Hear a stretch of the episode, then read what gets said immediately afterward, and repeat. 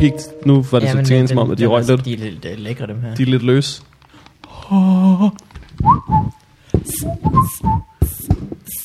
Yep.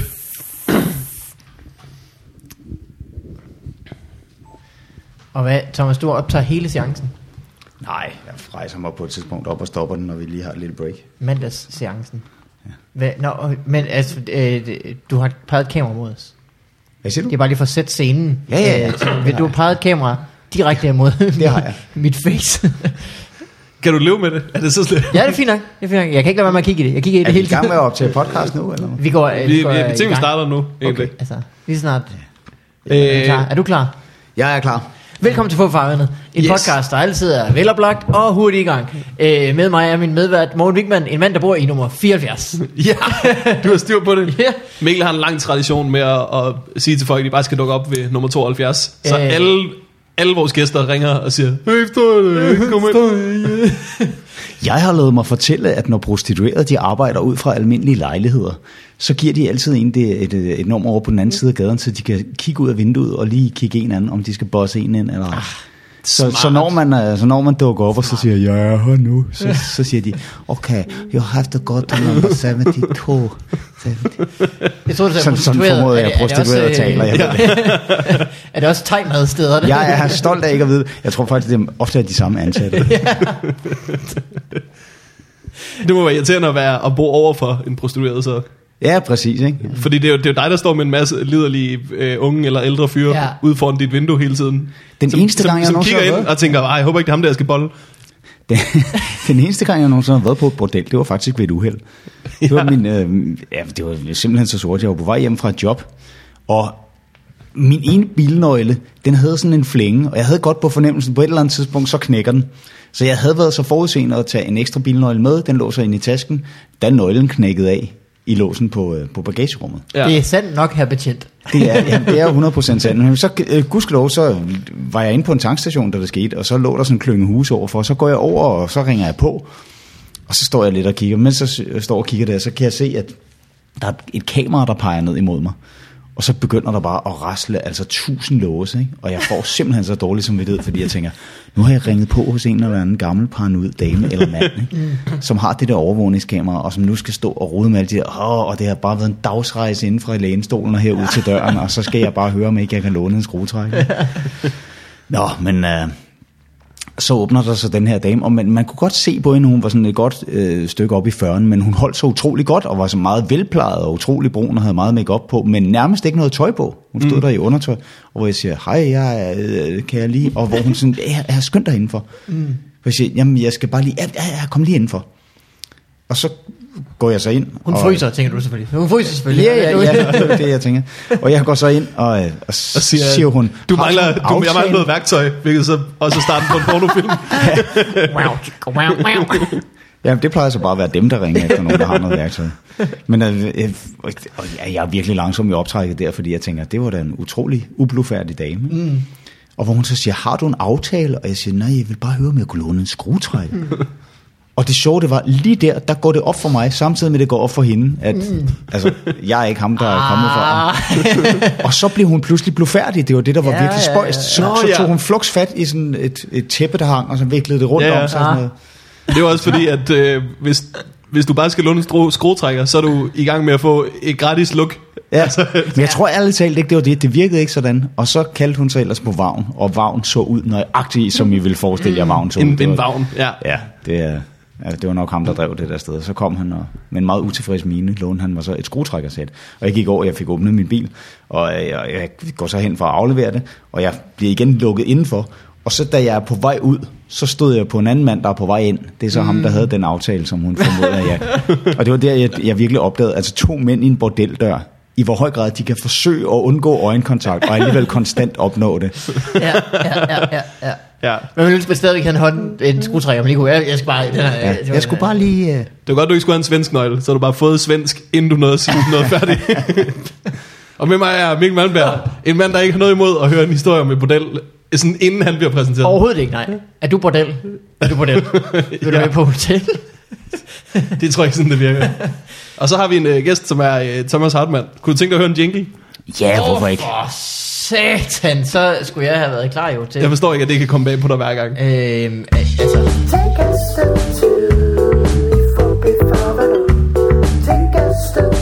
kan vi ikke lave en tavle, hvor på der står sådan ansvarsområder?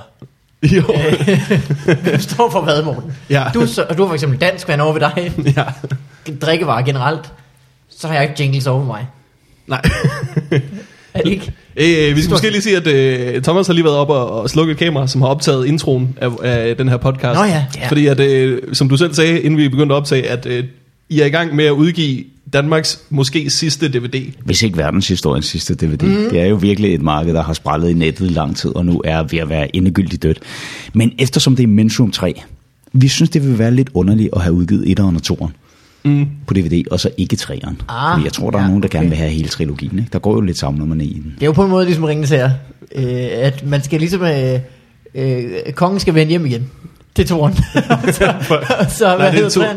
Kong, træen hedder Kongen vender Okay, tilbage. okay, ja, ja. Ja. Men jeg synes faktisk også, at Men's Room vs. Predator lyder som den sidste film. det lyder som den sidste, du kan stikke i din DVD-maskine. Ja, men det var, jo, det var jo også derfor, vi ligesom valgte den der Versus Predator undertitel, fordi det er, det er, jo, det er jo ligesom det, man smækker i røven på en franchise, der har kørt lidt for langt ud. Ja. Når man tænker, nu er vi i gang med at mælke den, mm. så hvorfor ikke? Og i viser sig- virkeligheden så var det Torbens forslag til den titel, der gjorde, at vi overhovedet besluttede os for at lave en træer. Fordi det kom i forlængelse af, at jeg, i- da vi var i gang med postproduktion af toren, sagde, nu stopper vi også ikke, nu gør vi det ikke igen. Hvor Torben han så sagde, nej, ellers så skulle det da være, hvis vi ventede en fem år, og så lavede et show, der hed Mentum vs. Predator. og så var jeg ved at dø af grin, og så var den ligesom nærmest Ja. afgjort lige der. Det viser sig, at man kan også øh, man kan dræbe ting mindst lige så godt, vi bare kalde dem versus Superman. Det er rigtigt. Ja. Ja. Det kan så det om fem år. Så kan, Ja, ja, men deres mødre havde det samme navn, ikke? jamen, så kan det gå de op for dig og. Torben, Ja. at, at jeres mødre har det samme navn. Ved I, hvad det åndsvær er? Det har de. Har det det? Ja, nu er I nødt til at lave det det. samme til fornavn.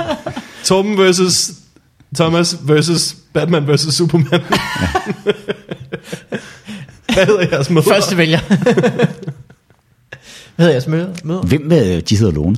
Lone. Hvem vil, øh, hvem, vil, øh, hvem vil være Superman, og hvem vil være Batman? Du vil være Superman. Du er Superman. Ja, du er klart rummisten. Nej, men på den anden side, du er Og også, du er også klart den, der har flest gadgets. Jeg er ret sikker på, at du er både Superman og Batman. Og du har også, du har også hurtige biler. ja, men, men, men Torben har flere penge, end jeg har. Blandt andet, Ja, fordi jeg har flere gadgets og biler, end han har. ja, og, og, han har en ishul ude på øh, Amager. Ja. ja, det skulle ikke undre mig, om der er hammerne koldt. altså, man er jo, man er jo sparsomlig i ordets tredje potens. Øh, men øh, hvad er det, Men's Room er, Thomas? For de øh, uinitialiserede hed det sådan. Ja, du kunne også have sagt, du er indvidet. Ja, ja, ja, ja. ja. Men, øh, det er dem, jeg mener. Ja, det, er, det er simpelthen et show, vi oprindeligt lavede, fordi vi troede, vi skulle lave et show om kvinder for mænd. Ja. Og det viser sig, at vi har lavet et show om parforhold for par. Ja. Selvfølgelig bliver Hvad- det, det bliver etteren- set fra vores synsvinkel. Etteren hed bare Mensum, så Mensum. kom Mensum 2, så kom Mensum 3, Mensum vs. Predator. Og Ja. man skal sige hele tiden. um, ja, altså i virkeligheden så havde vi jo kun forestillet os, at vi skulle lave 14 dage nede på Comedy Zoo med det første show, og i virkeligheden så var det, det var Simon Talbot, der fik os på sporet af ideen, fordi det starter med, at vi er på klubtur, Simon og Torben og jeg, og så på et tidspunkt, så sidder Torben og jeg og altså, raser over vores henholdsvis hans kone og min daværende kæreste over et tåbeligt ting. De, og det hele det blev sat i gang af, at min daværende kæreste, hun ringede til mig med sådan en, en typisk problemstilling, hvor jeg bare må trække på skuldrene og sige, jamen jeg er i Esbjerg, hvad vil du have, jeg skal gøre? og det var noget med, at hun ikke havde nået et tog, og hvad hun skulle gøre ved det. Ja, det ved jeg ikke. Altså, for det første, skridt et, lad være med at ringe til mig. Det er simpelthen det hurtigste, at lade være med det, og så gå hen og få fat på en anden billet, eventuelt finde ud af, hvornår det næste tog går, og hvis det alligevel er for sent, så tag hjem og nyd din uforudsete fridag. Tror, tror du, når øh, kvinder ringer til hinanden med sådan en besked? Jamen, det tror jeg ikke, de gør. Nej. Det tror jeg ikke, de gør. Og jeg, Men du, fordi de får fat på en kvinde, så der står ved et andet tog. Så det er ikke. Heller ikke. Jeg er men ja, også, også så kommer de ikke igennem indledning, så siger de, hej søde, jeg har et problem. Har du også? Det har jeg også. Og så går hun i gang med Ja. at fortælle om sit. Men i hvert fald så sad vi der og, og bøvsede over det, og så lige pludselig opdager vi, at Simon han bogstaveligt talt ligger hen over bagsædet af grin, og så siger han bare, I skal lave det her som et show. Bare jer, der bliver rasende over kvinder. altså Torben kan jo i forvejen hisse op over fuldstændig vanvittigt små mærkelige ting. Ja, det er ligegyldigt. Der kan du bare ikke sige noget. Så, øh, Ja, ja. Så. Øh, og så, jamen, så lavede vi etteren. Og så i virkeligheden, inden de 14 dage var gået, jamen, så ringede de ud fra byrådet og sagde, de fik altså sådan temmelig mange opkald fra folk, der gerne ville have det her show ud, og mm. der var stor efterspørgsel på det. Ikke? Og så besluttede vi os for at lave 14 dage med ekstra shows derinde. Og ja, så skulle vi ud til sådan nogle mandehørmsarrangementer. Vi var over at lave et eller andet go-kart arrangement med GoFM. Vi skulle til Afghanistan og Irak, og så var det nærmest blevet til en hel turné. Og mm. inden vi var færdige med den, så havde vi efterhånden diskuteret så mange andre emner, vi kunne have taget fat på, at vi havde besluttet os for at lave en tur. Og præmissen er, at det er øh, mænd øh, om kvinder, eller bare mænd Ja, i virkeligheden, ja, ja, Ja. altså om, om sære ting, de gør, og det er jo små, ubetydelige ting. Det er jo ikke de store, forkromede, vigtige emner omkring kønsdebat og, og den slags. Nej, det er mere sådan noget, altså hvorfor fanden skal de hælde ting over i bøtter, når de får det hjem i køkkenet, når nu det er i poser og pakker i forvejen. Og den Nå, ja, mm. ja. Og så det er sådan noget, altså, og, og vi er jo også bedst selv tjent med, at det er noget, flest muligt kan ikke genkende til. Ja, ja, så ikke, fordi ja. altså, det meste comedy er jo opbygget omkring klichéer mm. og generaliseringer, især når det er den slags temaer. Ikke? Mm. Og så bliver vi også nødt til at ramme så bredt vi overhovedet kan.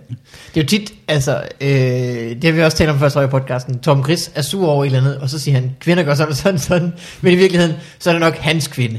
Øh, nu er det ikke hans, eller hvad siger man, hans kæreste kone, der gør sådan og sådan. Ja. Øh, Men man kan også godt, altså man men kan godt fornemme fordi, forskellen, de kan jo, øh, når man sidder og fortæller om noget, eller står og fortæller om noget, man selv har oplevet, mm. og siger, jeg har oplevet en, der gjorde sådan og sådan. Det er en anden slags grin, end når vi kan ramme sådan noget, hvor man siger, ja. ved I, hvad I gør? Ja.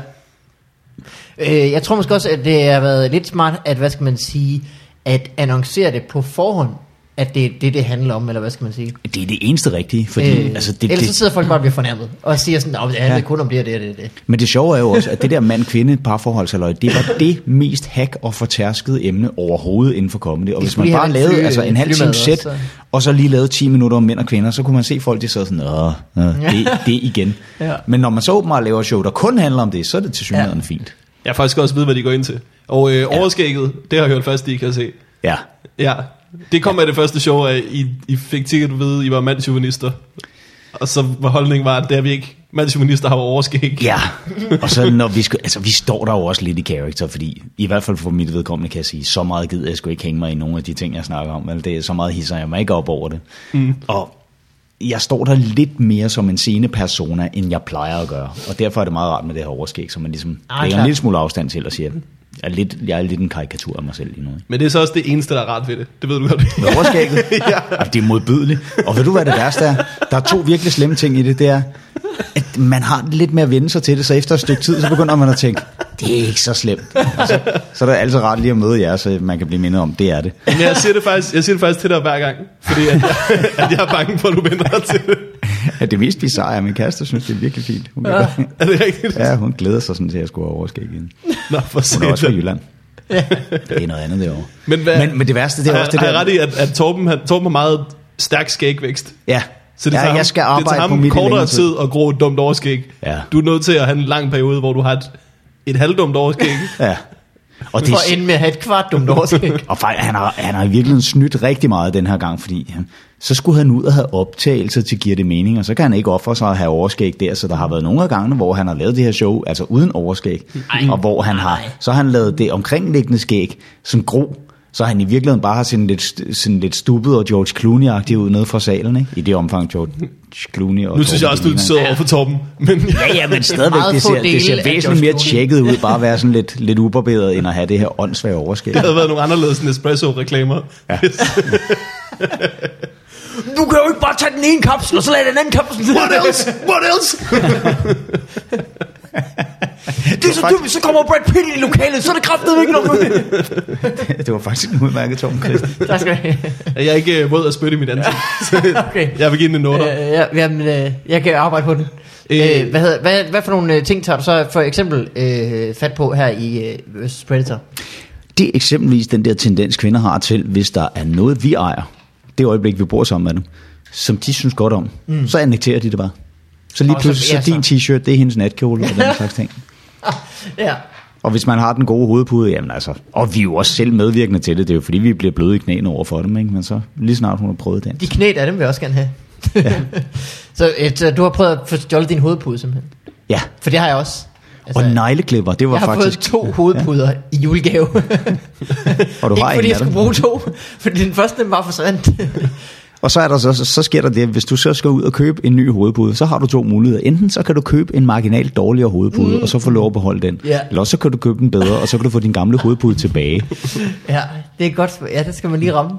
Det er sjovt nok, ja. Er det fordi, jeg er blevet i knæene så, Thomas?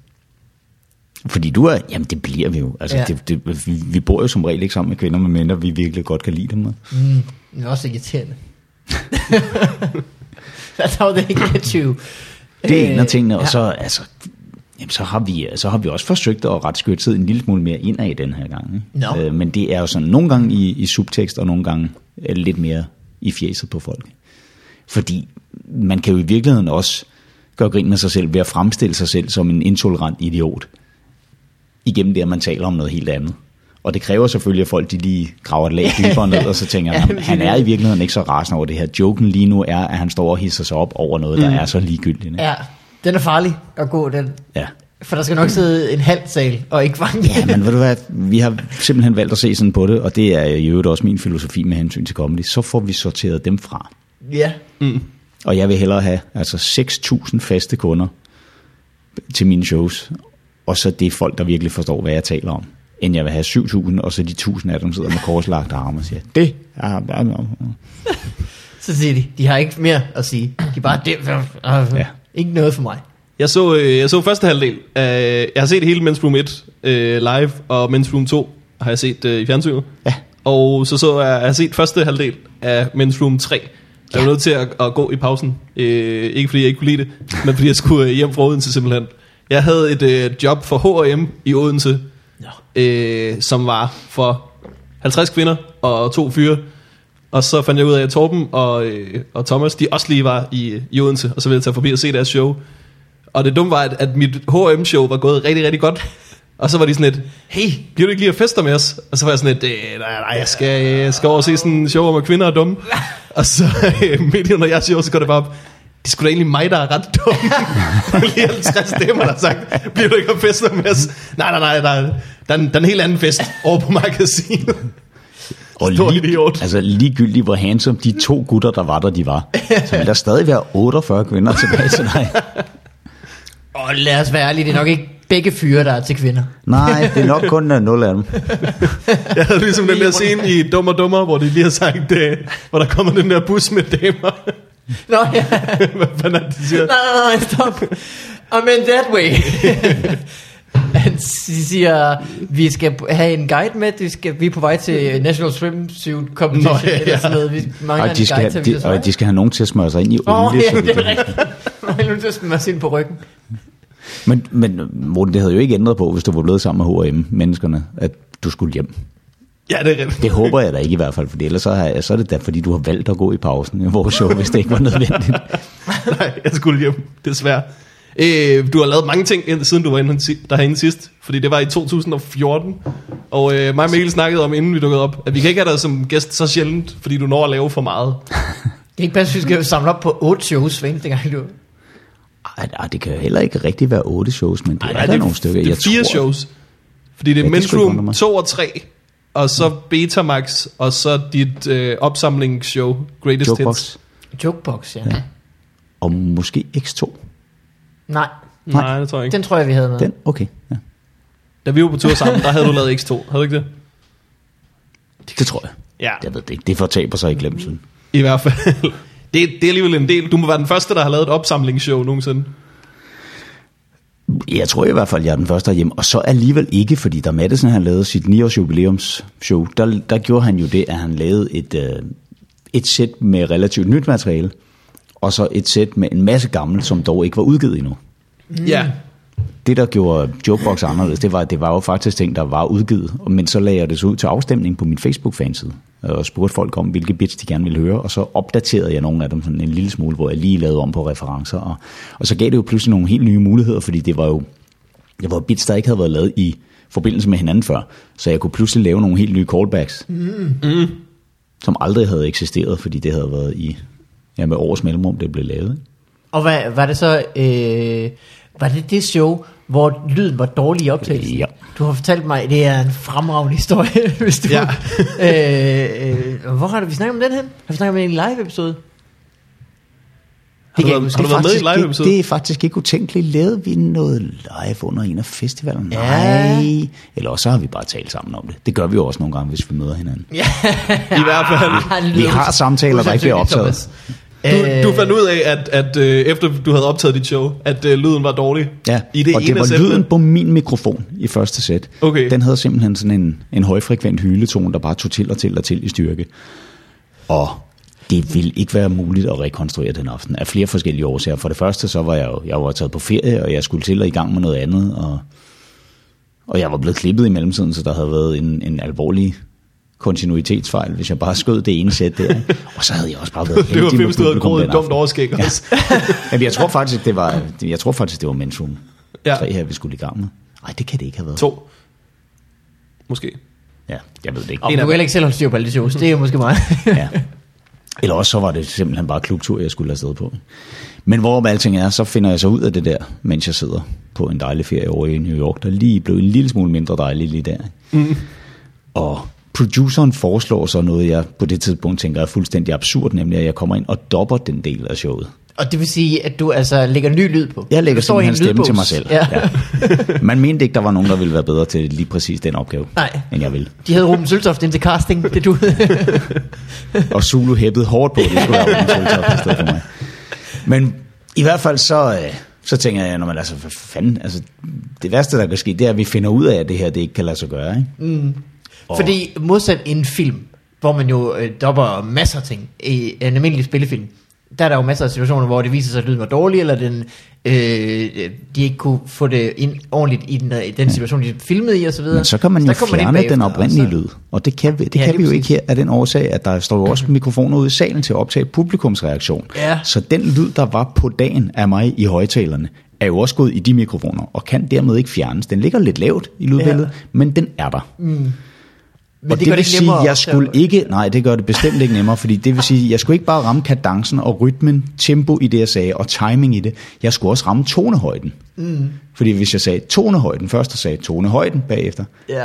det går ikke, fordi så lyder det pludselig, som om jeg lægger anden stemme på mig selv. så jeg skulle altså Du ramme. lyder mere magtfuld til gengæld. Ja. Det ville være sådan en bane-ting, ikke? Det er helt, øh, helt There skørt. are no drops on this show. Øh, så, øh, men det gør I. I gjorde optager simpelthen hele første, andet sæt. og det tog os godt og vel to og en halv time for hver 10 minutter, vi Der har du øvet dig så inden jo. Hvad siger du? Du har vel øvet så inden. Nej, det kunne jeg jo i sagens natur ikke rigtigt. Fordi det, altså, der var jo den ene optagelse. Vi gjorde simpelthen det. Jeg stillede mig ind i en bog, så havde jeg en, en skærm foran mig. Ja. Og så ham, der var producer på det, en virkelig flink og dygtig fyr, der hed Ivar Greiner. Han afspillede sådan en halv sætning af gangen, mens jeg stod med hovedtelefoner på, og så skulle jeg stå lige bagefter og gengive det. Og så tog han den lydfil og flyttede hen og så, hvor godt det passede. Ikke? Og så nogle gange så sagde han om igen og give lidt mere tempo til sidst, lidt mere power og sådan noget. Ikke? Så han kunne både se det på den waveform, der kom på skærmen, og så Ja. høre, om det passede. Ikke? Og så sad han ellers og klippede og klistrede og fjernede de der små tusinde dele her og der. Ikke? Hvis det var sket for nogen andre end dig, ikke? så var, var det ikke blevet dobbelt. du er den eneste, der kunne udføre den opgave. Det er som om, at folk har nogle gange joket om sådan, am, am Thomas Eimer, han er bare sådan en robot, når han arbejder. Men lige der, der var der bare brug for en robot, jo. Ja. Men i virkeligheden, så sådan en som Torben Chris, altså han er faktisk også det, vi plejer at kalde en pladespiller, ikke? ja, at han siger tingene på samme måde hver eneste gang. Han har så det mærkelige handicap, at hvis han først er kommet til at sige noget forkert, så kan han ikke lave det om igen. Så bliver han nødt til at omformulere sætningen fuldstændig. Han kan ikke skifte et enkelt ord ud. ja. Og det er lidt spøjst, men det er noget, han er bevidst om at arbejde med. Ikke? Men da vi sad og klippede Hvordan, undskyld, 2, jeg forstår ikke helt, hvad, hvad er det, han, hvis han siger Jeg ved noget præcis, forkert live? hvis han først har fået sagt noget forkert Ja. en gang, så har det af en eller anden grund lettere ved at sætte sig fast, end den rigtige formulering. Nå, ja, okay. Så hvis han, ja, lad os nu bare tage et tænkt eksempel, hvis han kommer til at sige fodgængeroverfelt, i stedet for fodgængerfelt eller fodgængerovergang, Ja, så bliver han bare nødt til at sige, det der sted med de hvide striber, hvor vi krydser vejen. Fordi han, Ja. hvis han forsøger at lave en af de andre, så rammer han den forkerte igen. hans krop er ikke lavet til at sige det ord. På det Nej, tidspunkt. ganske enkelt. Og nu, det, altså, det er et, et tænkt eksempel, men det kan være noget i den stil, ikke? hvor der lige er sådan en eller anden lille ting, og det er virkelig et spøjst fænomen. Men da vi, da vi lavede Mensum 2 og sad og lavede postproduktion på det, der sad vi jo virkelig og flueknæppede, fordi vi havde optaget to shows inde på Comedy Zoo, og vi valgte simpelthen bare, at det her det skulle være den optimale udgave af, af showet, vi kunne gengive. Så nogle gange så klippede vi altså vi havde starten af en sætning fra det tidlige show, så havde vi midten af sætningen fra det sene show, og slutningen af sætningen fra det tidlige show igen. Ja. Og der er mange ting, der skal være i orden, for at man kan lave de klip på en videooptagelse, Ja, ja, ja. fordi vi er to mand på scenen. ikke? Alene det der med, hvilken hånd holder vi mikrofonen i? Hvis man pludselig, hvis, der, hvis man skifter hånd med en mikrofon i et klip, vil der være nogen, der sidder og lægger mærke til det. ikke? Ja, ja, ja. Plus vi sidder jo på barstole, når den anden er i gang med at tale. På et tidspunkt, der kunne vi altså lave sådan et klip fra den ene sætning til den anden og tilbage igen, imens Torben var ved at sætte sig ned, og jeg var ved at rejse mig op og skiftede hånd med mikrofonen. Og det foregik 100% synkront i forhold til det show, der var foregået tre timer tidligere. ikke? Så det er også noget med, når man har lavet showet tilpas mange gange, jamen, så får man nogle fysiske vaner. Ja, ja, ja. Og så er det simpelthen muscle memory, der træder i kraft, og så begynder man at gøre tingene på den samme måde. Så det er jo fuld- øh, 100% koreograferet øh, show. Du har formentlig oplevet, Morten, i forbindelse med optagelser, at hvis, uh, hvis en producer så lige pludselig siger, Nå, men kan du vende dig den anden vej, når du laver den her joke, fordi vi har kameraet herover, så vi vil gerne lige have dit ansigt med. Ja. Hvor svært det er pludselig at spejlvende en joke. det, er, øh, det har jeg ikke oplevet faktisk, fordi at, Okay. når jeg har optaget ting, øh, mit one-man-show, det optog jeg bevidst på premiereaftenen. Altså, jeg havde lavet to testshows, Ja. men jeg, øh, hvad hedder det? Optog- Men du min havde var lavet så- meget af materialet før. Jo, jo, men min turné var så kort, at øh, jeg tænkte, jeg ville hellere optage det foran de folk, som er allermest psyched på at se mit one-man-show, end jeg vil optage det i slutningen af turen, hvor at der måske ikke er blevet tilføjet så meget, fordi der kun har været fem optrædener. Ja. Men der sker, altså det kan vi bare ikke gøre med men's showsene, fordi der sker rigtig meget undervejs. Ja. Især de der overgange, vi har, vi har, hvor vi sidder nede begge to og taler med hinanden. Mm. Dem har vi fundet ud af, dem kan vi altså ikke i samme grad skrive, som vi bare kan lade dem opstå. Nej. Så vi har sådan et skelet, og vi ved, at vi skal derfra og dertil, ikke? men hvad der ellers er af jokes der, og spøjsformuleringer og sådan noget, det er sådan noget, der kommer hen ad vejen. Og vi begik jo den fejl med det første af showsene. Det optog vi efter 14 dage, og det fortrød vi bitterligt. Mm. For der var altså ting, der røg ud, og ting, der røg ind, og det mm. blev bare lige 20% bedre hen mod slutningen. Hvad, hvad, så du har lavet, hvad var det for et show, der var blevet dobbelt? Det var, øh, det var Jokebox. Jokebox, som var opsamlingsshowet. Mm. Ja, Øh. og jeg havde, jeg havde egentlig tænkt mig at lave sådan en lille videofil, hvor jeg afslørede det her over for folk, og så lægge den på Facebook. Åh, ja. Jeg ville med vilje vente, til der var gået et stykke tid, fordi hvis jeg havde skrevet det med det samme, Ja. nu kan du downloade det her, og lægge i øvrigt mærke til, så vil folk altså, komme kravlende ud af træværket med deres, ja, det kan vi godt se, og sådan noget, bla, bla, bla, bla. det er ikke så godt lavet. Faktisk, at hvis du lytter tænker- til 12 minutter og 56 sekunder inden, så vil du. Men jeg tænkte, hvis jeg ventede et stykke tid, ja. Jamen altså, så hvis det er, at jeg breaker den historie, ikke? Og, så, og folk de kommer, ah, men det, det havde jeg godt lagt mærke til, så kan man for 50% vedkommende sige, bullshit, fordi så havde du sagt det. Altså folk holder sig jo ikke tilbage for at påpege de mindste små. Dine fans gør i hvert fald ikke. Nej, det gør jeg Jeg ikke. har, jeg har mødt dem, og de hænger sig i mange ting, som andre folk ikke vil gøre. Ja, men det er jo blandt andet også det, jeg holder af ved dem. Det Ja, er ja. netop, at de stiller krav til, at tingene de skal. Ja. Ja. Nå, øh, men så lavede du også øh, Betamax, ja. øh, som var et show om øh, gamle dage. Jeg har ikke øh, set det, faktisk. Ja, det jeg skulle det i virkeligheden have Fordi, været. øh, for det er et show, der ligesom, øh, som jeg har fået det fortalt, øh, udvikler sig undervejs. Ja, det gjorde det nemlig. Jeg vil Det ikke var, afsløre mere, end du selv vil, men øh, jeg, jeg vil gerne afsløre noget, fordi jeg tror, at de folk, der ikke har set det endnu, de kommer alligevel ikke til det. det øh, I virkeligheden så, min hensigt var, at det skulle handle i høj grad om sådan noget forskellen på teknologien nu, og da jeg var barn, og den udvikling, jeg har oplevet, i særdeleshed med hensyn til, hvordan vi vælger at anvende den teknologi. Dengang brugte vi Walkman. Nu Ja. har vi Discman. Ja, altså, Walkman Mini- var jo... Walkman var jo en ny ting, da jeg var ung. Ja, ja, ja. Altså, nogle gange så føler jeg mig jo sindssygt gammel, især når jeg taler med yngre komikere, ikke? når jeg altså, møder folk, der er yngre end internettet. Ja. Og jeg kan fortælle dem, at i min barndom, endda sådan lige på grænsen til mine teenageår, der var jogging i tv-avisen. Det var et nyt fænomen, der var kommet til Danmark, hvor folk de bare løb rundt til ingen verdens nytte, uden, uden at der var nogen efter dem. Altså seriøst, det var i tv-avisen. Og jeg kan huske, vi udpegede dem over for hinanden og puffede, sagde, se ikke, der er en. Og så, så stod folk og råbte, hey ja, hey ja, når, når kondiløberne de løb forbi. Og alle, alle de der ting, vi tager som super selvfølge i dag, jamen det er bare, det har været nyheder på et eller andet tidspunkt. Ja. Og jeg synes, jeg har oplevet skræmmende mange af dem. Men man glem- man glemmer også, hvor gammel du er. Det gør jeg hele tiden i hvert fald. Så Ja, lige pludselig så siger du et eller andet, Nå, men så var der den gang, hvor jeg, jeg boede i Tyskland i mm. nogle år. Jeg tænker, jeg kan huske, du bare en eller anden gang efter, jeg synes, jeg havde kendt dig et godt stykke tid, sagde, Nå, men så var der også den gang, hvor jeg var til DM i Electric Boogie. Hey, jeg blev nummer to. Og, vildt nok.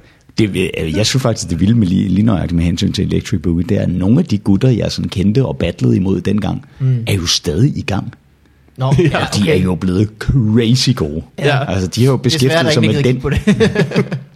Og jamen, det siger du kun indtil du Ja, ja, prøver. ja. Fordi så bliver man virkelig fascineret. Og det, det er jo nærmest hvad som helst. Om det så er isdans, eller mm.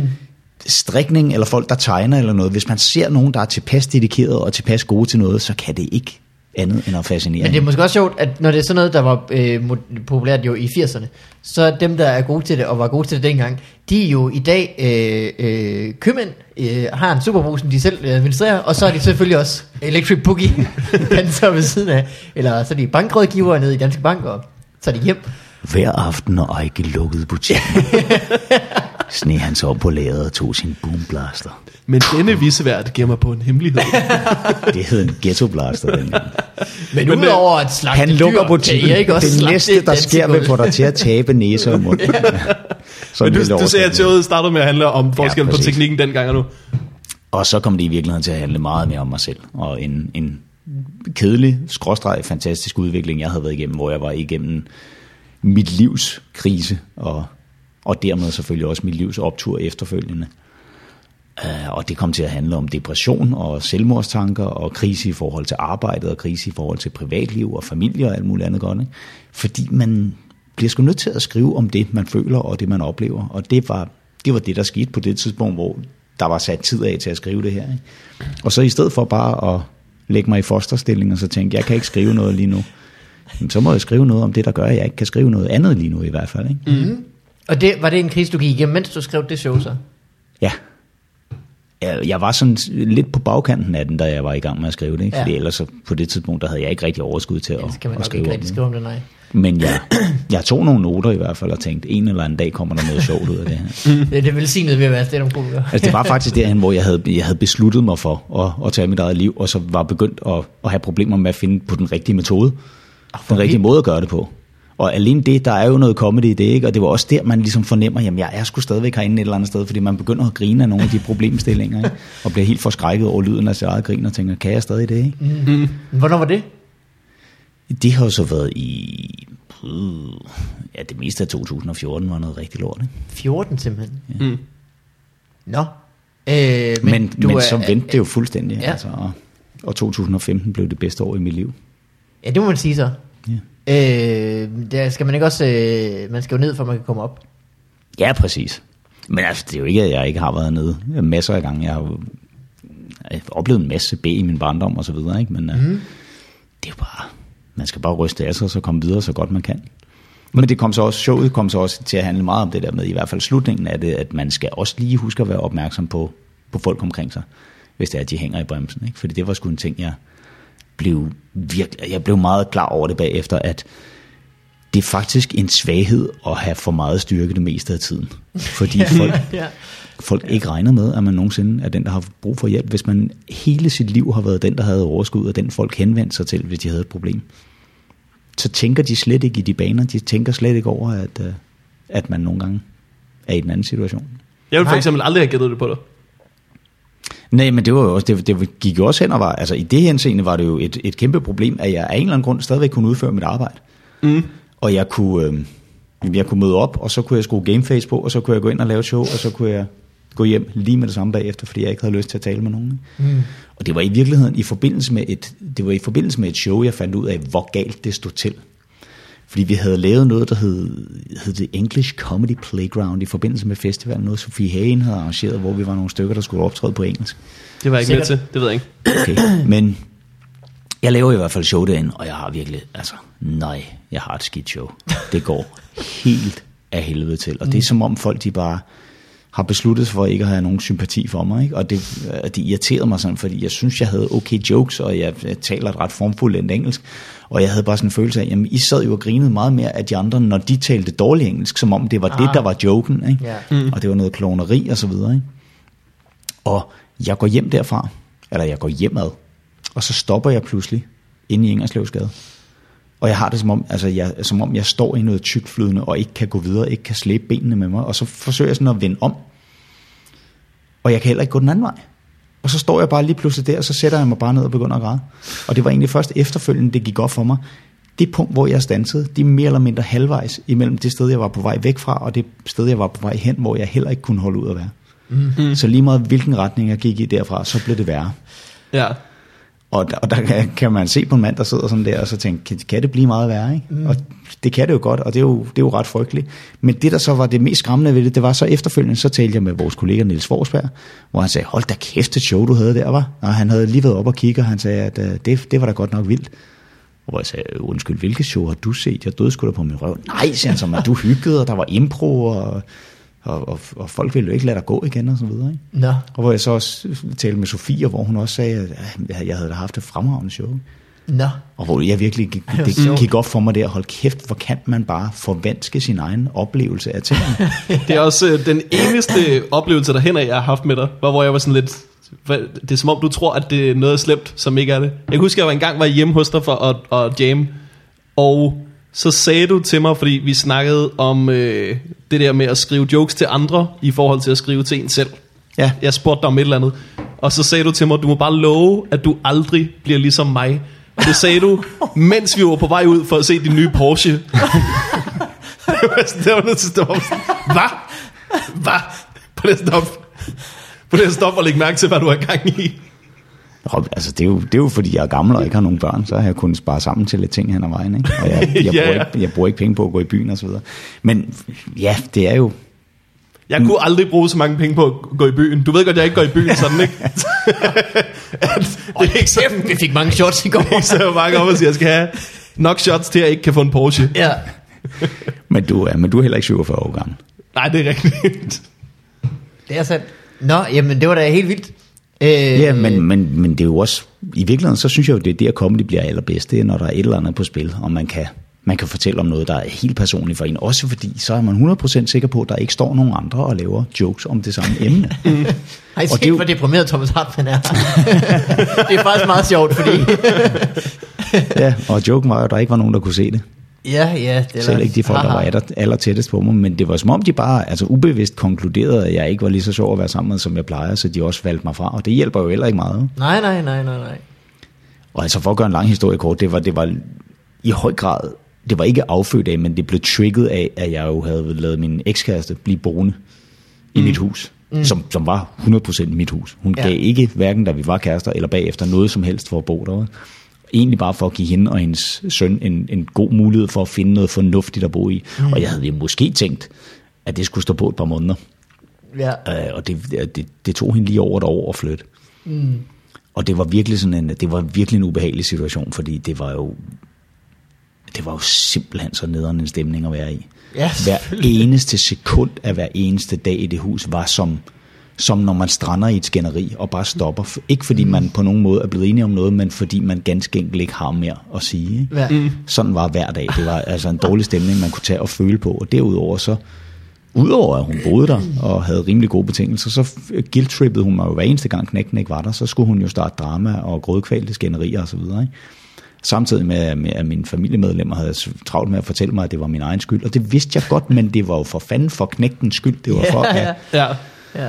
Øh, og det, jeg synes bare, det var virkelig, virkelig hårdt, at de mest helhjertede og i virkeligheden mest selvopoffrende forsøg, jeg nogensinde har gjort på at gøre det rigtige og være et godt Ja. menneske, det var det, hvor jeg bare blev sparket mest i nosserne af, af skæbnen og alle omkring mig. Ikke? Ja, ja. Hvad blev altså, så- hvad skal man sige? Man skal jo ikke øh, nødvendigvis gå derfra og tænke, at man så gjorde det forkerte.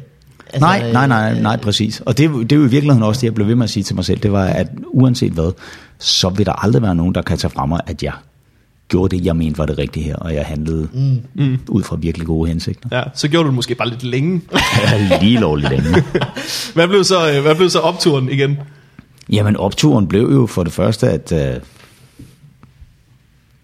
selvfølgelig gør kontrasten jo en hel del, mm. når man begynder at få det godt igen, efter at have haft det så skidt.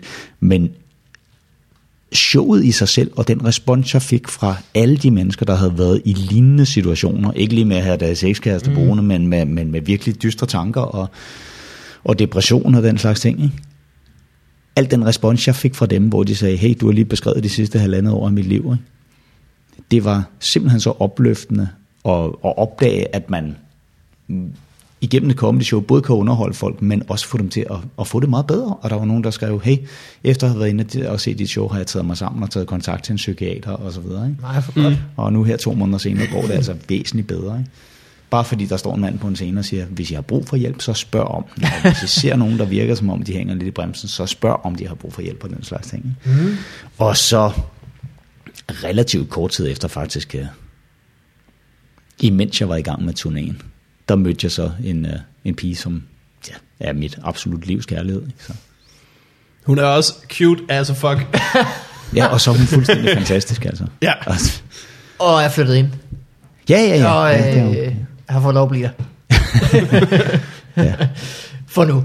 Øh, nå, det var øh, dejligt, Thomas, jo, at der var øh, et øh, øh, lys for enden af, af tunnelen. ja, Sådan- jeg vil ikke kalde det en Det er så happy det, man, fordi jeg håber det, ikke, det, er det, man siger om folk, der dør. Det ved du godt, ikke? Ja. Nå ja, gå ikke mod lyset. Ej, ja, Øh, man siger jo også lys for enden af tunnelen, når man er i noget Det er rigtigt nok. mørkt, Ja. Men det er går faktisk lidt, Ja. det er lidt et, et, et tvetydigt ting at sige. Du skal ikke gå mod lyset, med mindre, at du er i en tunnel. Ja. Det, det, det er faktisk det opdaterede øh, råd. Mm. Men derudover så er det også, det har også, også, også bare givet mig et andet livssyn, ikke? og man har lært mig at sætte pris på de gode ting, frem for at fokusere på de negative ting. Og jeg vil sige, i, i nogle sammenhæng, der er det stadigvæk vigtigt at fokusere på de negative ting. Eksempelvis i forbindelse med arbejde. Det har altid været min filosofi, at man skal arbejde på det, man er dårligst til.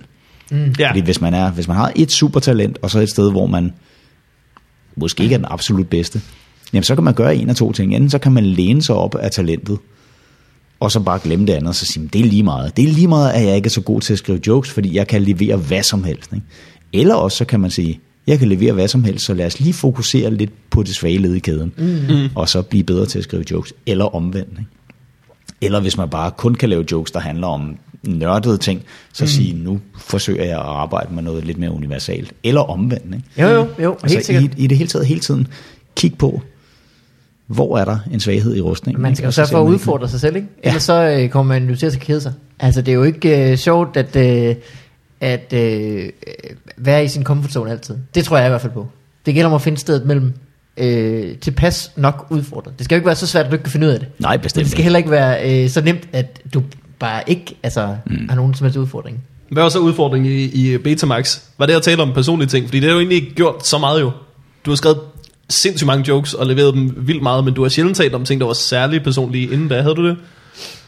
Jo og nej, fordi tilbage da vi lavede farvelagte frustrationer, Torben og jeg, der havde Det vi jo, eller slutter Jacob og jeg, der havde vi jo øh, nogle dogmer om, øh, at det skulle være ting, der havde en eller anden, at vi havde en form for personlig forhold til, at det, altså ligegyldige observationer omkring kaffemaskiner og sommerhuse var, var bandlyst. Det skulle være noget, vi forholdt os følelsesmæssigt til. Og det har været i 04 eller sådan noget, ikke? Ja, Faglige frustrationer. Ja. Ja. Marts Duo-show 2004. med øh, Jacob Tingle, som var jeres begge tos første øh, udgivelse, var det ikke det? nej, jeg havde udgivet Hartmann X Nå, okay. Ja. Men, øhm, men der, der talte jeg meget om sådan frustrationer fra min barndom og min skoletid, hvor jeg var klassens lille blege tøndesblejs. Og det man nok i dag ville kalde mobbeofferet, og der jeg synes måske folk de er blevet lige lovligt hurtige til at kalde ting mobning. Mm-hmm. Fordi for det første, så en person kan ikke mobbe dig. Men det kan ikke lade sig gøre, fordi ordet, mob betyder er en flok. nok, det, det skal altså være... Ja, så skal det... Hvis så du skal han øh, klone sig selv. hver dag. Ja, Så skal han klone sig selv, fordi mobning kræver, at der er flere, der gør det, ellers Ja, okay. lever det simpelthen ikke op til definitionen. Mm. Og så det, vi kaldte drillerier, da jeg gik i skole, det er jo, det er jo noget, folk de lynhurtigt vil kalde mobning nu. Mm. Og jeg siger ikke, jeg ved godt, man skal være meget forsigtig, jeg siger ikke, man skal tage det alvorligt, men det er måske også netop derfor, jeg påpeger det. Det er, at man fortynder jo fokus på de rigtig slemme tilfælde ved at omtale alle tilfælde som de slemme tilfælde. Så til sidst så finder man ud af, at ja, okay, der er, der er en, der har væltet en mælk, so fucking what, get over it. Ikke? Og så glemmer man at tænke på, på hende, altså der bliver slået i hovedet og væltet om kul og kaldt tykke hver dag. Ikke? Ja. Fordi der er jo virkelig slemme tilfælde. Men jeg var ikke klassens populære dreng. Jeg var klassens lidt mærkelige dreng. Ikke? Og jeg var den lille, tynde blejesblejs i al den tid, jeg gik i skolen. Og jamen, det, det kom faglagt til frustrationer til at handle meget om. Ikke? Og så var der i virkeligheden en lang pause, hvor jeg talte om alt muligt andet. Jeg havde, det var også en katarsis, den der tur. Jeg kan huske, min mor, hun så mig på premiereaftenen, og så et af de sidste shows, og hvor hun sagde, at der var altså sket et eller andet. Det var, det var et helt andet menneske, der stod der og leverede de jokes, og det var som om, jeg havde fået en stor portion overskud i forhold til det. Hvor hun mm. sagde, at hvis man kendte mig godt nok, så virkede jeg måske lidt sammenbit på den første aften, og lidt fred. ja.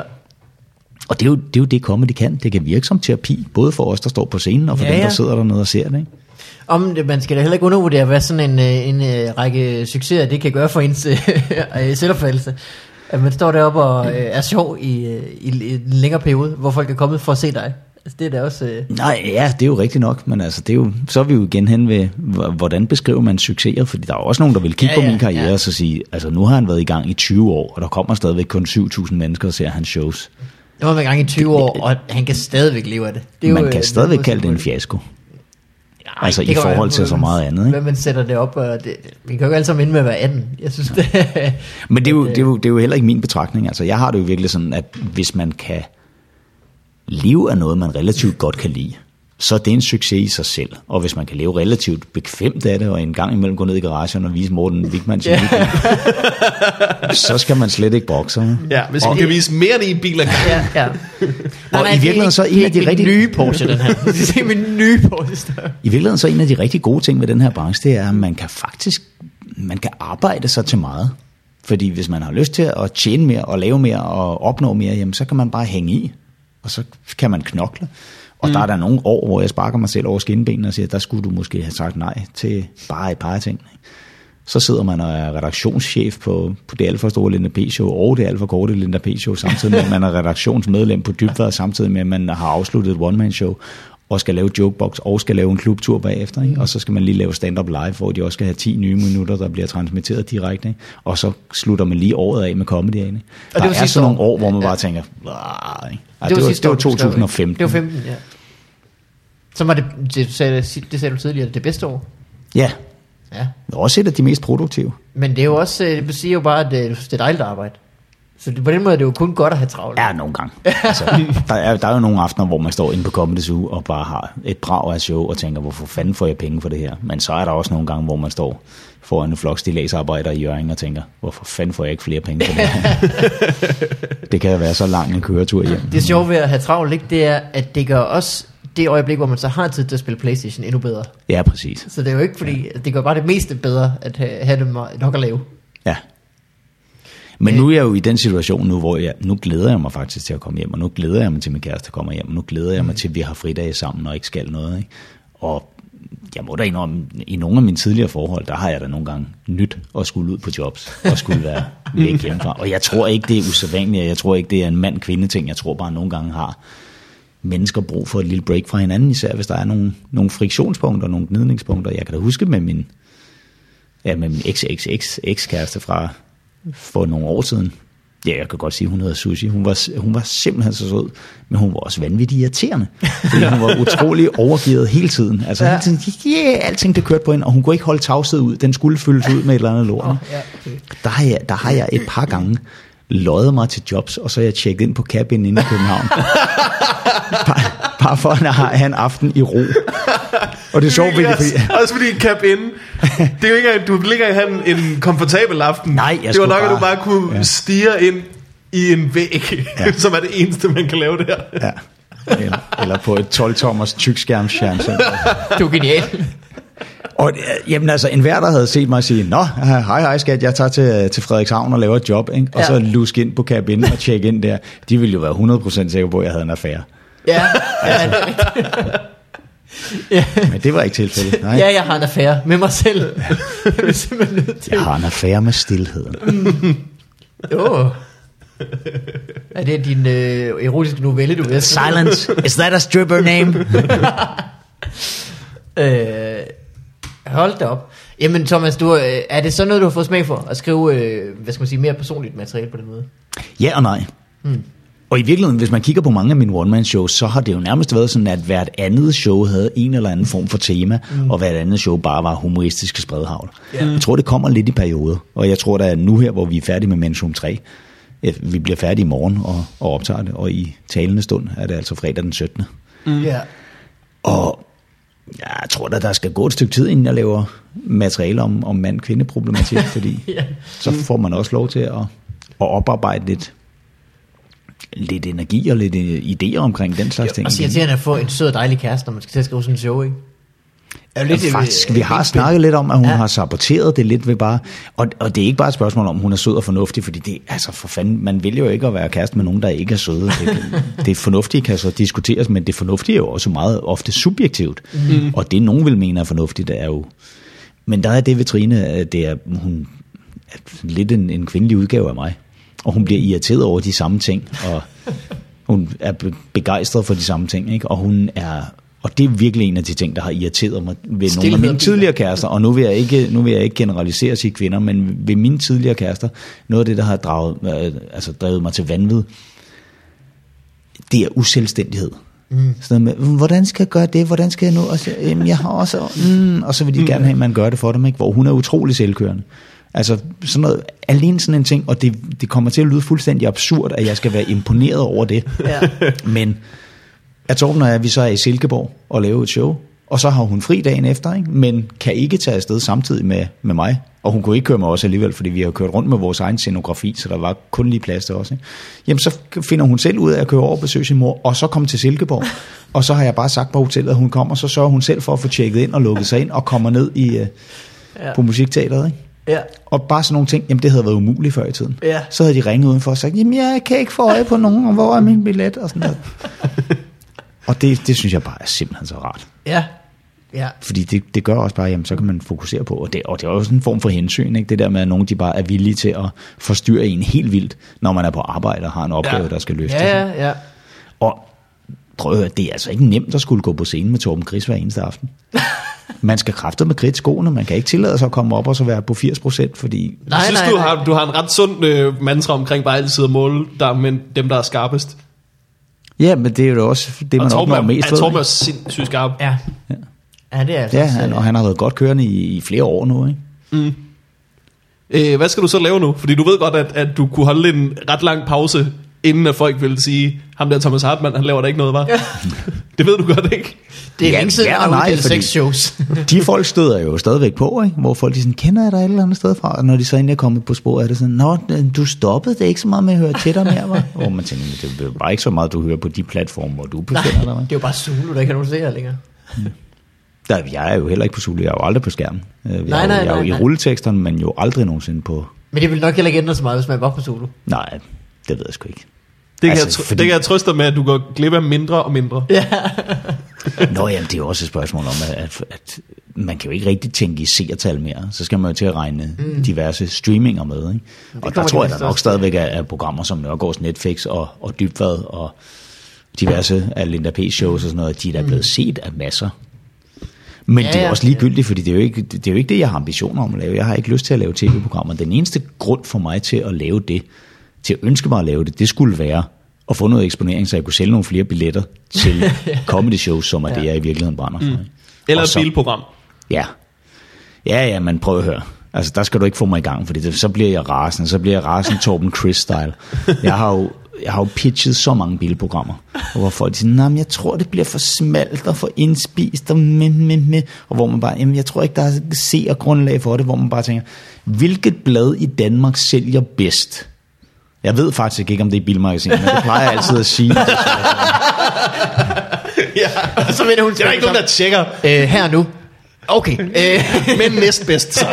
Men der, altså, de, de har levet rigtig sundt af det Ja, ja, ja. i overvis. Ikke? Hvad, hvad er verdens mest sete øh, tv-program? Det er måske ikke Top Gear, men det er fandme med i konkurrencen. Ikke? og så første gang, at, at en af de store kanaler tænker, nu laver vi sgu et bilprogram, så er det med Thomas Skov, hvor hele præmissen er, hej, mit navn er Thomas Skov, jeg interesserer mig ikke for biler, og ved absolut heller ingenting om dem, så øh, giv mig lige 10 programmer, og så gør de, og så gør de det. Ja. Og når man så er med som gæst i det program, så klipper de det ud, hvor det begynder at blive en lille smule teknisk, og hvor man tænker, nu bliver det et bilprogram. Ikke? Bilens Altså. Thomas Skov-program, kunne det hedde. Ja. Ja, men det var... Det, øh, og det vil jeg gerne, men, men måske har jeg heller ikke... Måske har jeg heller ikke ironisk distance nok til det, til at kunne lave et, et underholdende bilprogram. Det er godt det ikke, spørgsmål, fordi- fordi... man skal jo nok være et sted mellem... Øh, øh, øh, man skal jo vide... Måske ikke så meget om biler, så meget som man skal vide noget om, hvilke spørgsmål man skal stille dem, der ved noget om biler. Giver det mening? Ja, det giver Altså man skal jo på en eller anden måde være en lille smule naiv omkring det, for at man kan være den perfekte vært til sådan noget. Fordi så stiller man Ja. de spørgsmål, seerne har. Og Men ikke, så øh, skal man til gengæld også lade de folk, der så kan besvare de spørgsmål, tale ud. Ja, ja, ja, det kan man sige. Men det kommer også an på, hvad programmet skal være. Om det Ja. skal være til den brede befolkning, eller om det skal ramme lige ned i... Men igen, vi er jo bare ikke, så, vi er ikke lige så afhængige af tv-kanaler mere, som vi har været, fordi de fleste har jo, som Patton Oswald han sagde, mere redigeringsteknik i lommen i form af Ja, deres ja, smartphone, end, de, det, end det gennemsnitlige tv-studie havde for 20 år siden. Ikke? Mm. Og eftersom alt alligevel er webbaseret, jamen altså får man lanceret en god podcast ved at lave en gestus ude i lokalet, som man ikke kan se i podcasten. Eller Det kunne I få lavet en succesfuld YouTube-kanal eller noget af den stil, jamen så kan man sgu få væsentligt flere seere. Altså jeg tror da ikke, jeg tror ikke Gangnam Style var blevet set af lige så mange mennesker, hvis det var blevet spillet i et musikvideoprogram på MTV. Nej, den er, den er set over 2 milliarder gange på Ja. YouTube. Og det er den video, man skal aspirere til at blive, hvad hedder det? Ja, men det er det tal, man skal sigte på. Hvis Jeg kom til at tænke på de helt populære YouTube-videoer, fordi øh, hvor mange gange de blev sendt på MTV, er jo egentlig ikke det, man skal kigge efter. Man skal jo tænke på, hvor mange der så har siddet ude og kigget på dem, mens de blev sendt på MTV. ja, Det har jo også været sindssygt mange views. ja, Altså, altså musikvideoer fik dengang. i sin tid, ja. Også fordi det, det var jo ikke sådan, så var det jo ikke alle musikvideoer i verden, du altid kunne gå ind og se. Så tændte du på MTV, og så håbede du på, at den Ja. musikvideo, den kom. Og så havde, de havde jo deres udgave af Hype 3 hvor folk de kunne skrive til dem og ønske videoer. Ikke? Nå, ja. Og så spillede de mere eller mindre det, de havde tænkt sig at spille alligevel. Ja, ja, ja, ja, ja. ja det var Men jeg kan da huske, at dengang det var en ny begivenhed, når, eller en stor begivenhed, når der kom en ny Michael Jackson-video. Ikke? Og man skal, på, Ja, det er på det lige søndag kl. min tid. 20.15, der viser de Bad-videoen i fuld udstrækning. Ja, ja. Ikke? Og så sad man altså og så det. Men det er jo en ting, jeg nogle gange godt kunne... Når godt kan savne lidt ved det der med, at der var færre tv-kanaler, det var, at der altså også blev sorteret lidt mere i det møg, der blev sendt. Ja, ja, ja. Jeg tror ikke, man husker noget af det bedre også. Fordi der var altså også noget møg, der blev sendt. Ja, var du sindssygt, altså, der var noget på møg, nogle rigtig brede kanaler, ikke? Ja. Hvor at, at fra første gang linje 3 var i fjernsynet, der var deres karriere jo altså done. Der, altså på den gode Ja. måde. Så, så Ja, ja. kunne Ja, de leve af det resten af Jamen, livet. Jeg har flere gange sagt, altså og komikere op igennem 70'erne, og til dels også 80'erne, dem det lykkedes for, det var dem, der forsøgte. Fordi alene der en voksen mand var villig, villig til at tage en albuhu på og sige, yes my boys, det var jo nok til, at folk, der jo bare var lidt mere Ej, det er så sjovt. brunerede og kontrollerede dengang, de sad og tænkte, nej, han er, han er skæg ham der, han er, altså, han er, han er rigtig skæg, det er han. Lyder jo som om han er lesber, og det gør han sikkert ikke. Ja, det er rigtigt, men, øhm, øh, men der har vel været en anden form for teaterscene også, hvor man så ligesom skulle komme op igennem, før man fik det der show på Ja, scenen. yeah, jeg ved det ikke. Og det, og det er jo netop det, som vi sidder og taler om nu. Nu er det trods alt, altså det er sværere at få det store gennembrud nu. Ja. Men det er alt andet lige lettere at blive set og få en platform. Har du nogen planer om at, at lave din egen platform så? Øh, web-ting? Jeg har tænkt simpelthen så meget over det, men jeg tror måske nok, jeg skulle have været hurtigere på aftrækkeren med hele den der podcast-bølge. Nå, ah, det kan man, der er der folk, der starter nu. Vi var for eksempel alt for hurtige på den aftrækker der. Ja, Der, Det der tror jeg var det et godt stykke tid, vi bare stod og fyrede ud i ingenting. For ja, helt ærligt. Men tror jeg så ikke, der sker det, som der sker, når man finder et god band, øh, et, et, et god band, flot, et godt band, eller en god forfatter, eller noget, at så fra der, hvor man kommer på, jamen, så tjekker man også lige deres bagkatalog. Jo, og det vil jeg gerne opfordre folk til at lade være med. Ja, det kan man lige, øh, det er, Hvis man har der, er ikke, selv der, er kær. ikke, der er ikke mange folk, der har lyst til at bare sådan en team dokumenteret fra det, de var 2021 hver uge og frem efter. Ja, det er jo sådan, jeg har det med stand-up.dk. Ja, ja, ja, ja. Som de, Du de har installerede altså det som en... et rigtig godt sæt fubu på i, et, i noget, jeg så for nylig. Der var jo en, øh, der var en, en udsendelse i 2001, som jeg lavede, og det er faktisk en del af historien om min, om min første udgivelse af Hartmann X. Det var jo min nummer to one-man-show. Mm. Og det første var ikke blevet udgivet. Mm. Og det blev diskuteret meget på vores booking management bureau, hvorvidt det her det skulle udgives. Ikke? Fordi jeg var jo, som Kasper Bang han sagde dengang, jeg var den første fra B-rækken af komikere, der lavede en udgivelse. Altså mm. simpelthen udgav et show fra en mand, som ingen anede, hvem var. Ikke? Ja. Ja, og det var altså Kasper Bang, der sagde det.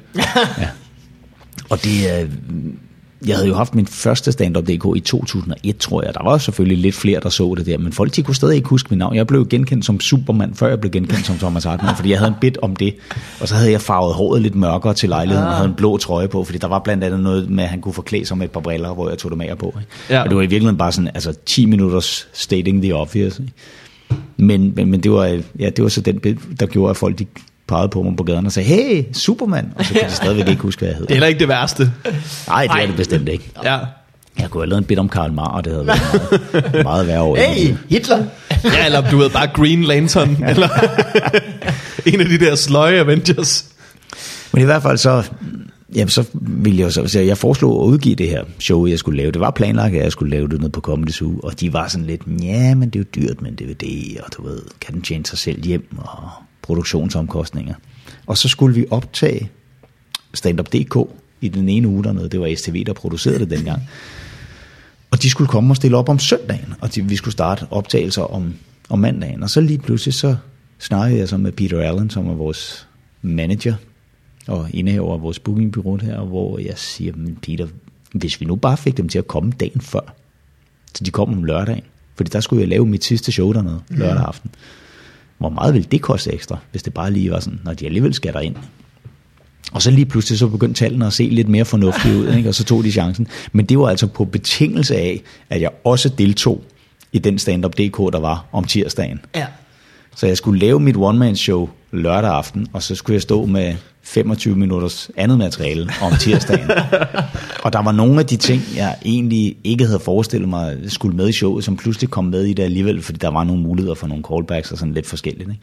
Og så de ting, jeg havde taget ud af showet til fordel for de nye, dem var jeg sgu ikke så begejstret for, så jeg sad der om søndagen, vågnede i øvrigt op med, med høj feber og var snot forkølet, og, øh, og tænkte, mm, jeg tror kun, det er sådan cirka halvdelen af det her, jeg har lyst til at bruge til noget. Ikke? Så jeg har til på tirsdag til at skrive noget nyt. Og jeg havde ikke rigtig mulighed for at øve det, men jeg tog så chancen og lavede det. Og der, der, jeg havde 40-5 i feber, da vi lavede den optagelse. Jeg stod med sådan en tyk Karl Kanai, tror jeg på, Ja. og jeg kampfrøs stadigvæk. Og man kan godt se, altså når man ser på optagelsen, og så ser Hartmann X i stedet for, at man kan godt se, at jeg kridhvid i hovedet. Og det er, øh, og det er med, meget, med få dages mellemrum. Ja, det var øh, henholdsvis lørdag og tirsdag. Det er sgu meget vildt. Er det i 2001, det her? Nej, det var i 2003. Okay. Ja. Der, øh, det var jo i den, største, den første store stand-up-bølge, har det været. Som lå lige omkring øh, den ægte vare, tror jeg. Jamen kom den første store bølge, ikke sådan i 3 og 94, der, øh, Og det kan godt være. Ja, det er så før min tid, men, det, ja. øh, men den første store sådan... Jamen, det var også øh, før min tid. Jeg startede ja. i 96. Jeg gik jo glip af det, fordi jeg boede i Tyskland i 93 og 94. Mm. Ach so, Ja, was hast du in äh, Deutschland gemacht? ich habe für en Fluggesellschaft gearbeitet. Oh, okay. Skal vi lave resten af den her podcast Det kan godt være. Øh, men Thomas, vi er faktisk også ved at være øh, øh, ved vejs ende. Ja. Ja. Øh, hvis man vil se dig optræde, hvad gør man så? Man skal ikke gå på nogen podcast, kan jeg høre. Nej, men øh, nu, er det er jo for sent at komme ind og se Men's Room 3. Fordi Ja. det er, der, er jo, der er ret udsolgt. Og det her, det bliver muligvis først. Det er lagt ud i dag faktisk, så øh, Nå, okay. der kan man sidde derhjemme og Så der vil være en teoretisk mulighed for, man kan jo stille sig ned i døren i morgen og håbe, at der er nogle uafhentede billetter. Ja. Men ellers så er det bare at holde øje på min Facebook-fanside og, og på thomashartmann.dk og fbi.dk, og jeg skal nok annoncere, når der er noget. Selvom der er altid nogen, der brokker sig over det. Det undrer mig altid, når man sådan, "Nå, jeg gider ikke følge den her side, hvis det bare er oplysninger om, hvornår du optræder. Hvor man tænker, men du er inde på min fanside. Hvis ikke jeg her skulle gøre opmærksom på over for mine fans, hvornår jeg optræder. Altså, Ja. Og samme person, det går et halvt år efter. Hvorfor har du ikke sagt, du havde one show på? Hvorfor går du ikke til Brovst, eller? Ja, det er så mærkeligt, når man, når man har mødt folk. der, Jeg er din største fan. Hvornår laver du noget nyt? Øh, om to timer. Jeg er, i, jeg er i gang med en turné lige nu. Det ville du vide, hvis du var ja. Min største fan. Nå, Jeg, jeg har ikke fået seværdighederne i Tisted.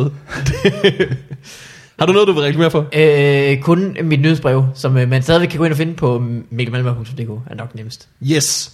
Øh, hold fast nu. Jeg er på Comedy Zoo fra tirsdag den 28. februar til lørdag den 4. marts. Og så er jeg på Comedy Zoo Aarhus den 10. og 11. marts. Og så, øh, så skal man lige gå ind på min Facebook-side, og så finde øh, turplanen for 5. Det er mig, Daniel Lille, Heino Hansen, Rasmus Olsen og... Dan Andersen. Dan Andersen. Oi! Det var godt, du huskede det, mand. Det er fem navne, jeg glemmer altid en af dem, og det er en ny, jeg glemmer hver gang. Ja, Øh, der er turplan og øh, billetlink, og øh, hvis folk køber til det, så vil jeg simpelthen blive glad. Uh, fordi at, øh, det bliver et godt show, kan jeg sige allerede nu. Det synes jeg, I skal. Det er nogle virkelig sjove komikere. det er korrekt. Og der er fem Ja. Ens Vi, pris. vi, holder alt, hvad, vi holder alt, hvad vi lover. Ja. Men der var jo et show i sin tid, der hed Fem på flugt. Jamen, det kan jeg godt huske. Det er rent nok, og vi diskuterede sådan også titlen meget frem og tilbage, med om, øh, om nogen ville sige, at vi øh, nubbede. Men det viser sig simpelthen, at øh, alle er ligeglade. Jamen, man kan jo heller ikke monopolisere tallet 5. Nej, ting. Problemet er vi er nødt til at have en ekstra med. næste Eller kigge rundt skal- og sige, hvem stemmer vi ud? Vi kunne heller ikke kalde den 300. Nej. Det vil også være for lidt Lang i noget at lave. så kan man få alle folks lukker, og det er det. Det er jo simpelthen så Øh. hyggeligt, at du var gæst. Stor fornøjelse, Thomas. Øh, Fornøjelsen var øh, ja, ikke helt på min side, kan jeg høre, men delvis. Hvad, hvad for noget? Jeg var lige ved at sige, at fornøjelsen var helt på min side, men det var den Nej, jo ikke. Hvis nej, I også synes, det var en gensidig fornøjelse, så er den jo, fornøjelse. ja, så er det en gensidig dejlig fornøjelse. Øh, det var rigtig dejligt. Og Det er den du kom. bedste slags fornøjelse. Det er det, der adskiller voldtægt fra sex. ja. Det kan man sige. Det Og på den note, hej alle sammen. Hej.